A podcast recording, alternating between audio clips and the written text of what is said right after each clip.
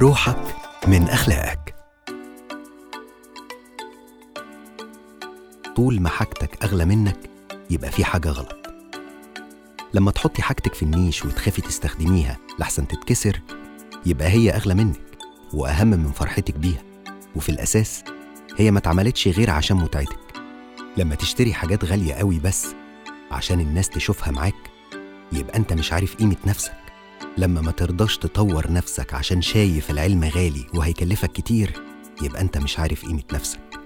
قدروا نفسكم كويس. أنتوا أغلى من كل الحاجات. روحك من أخلاقك.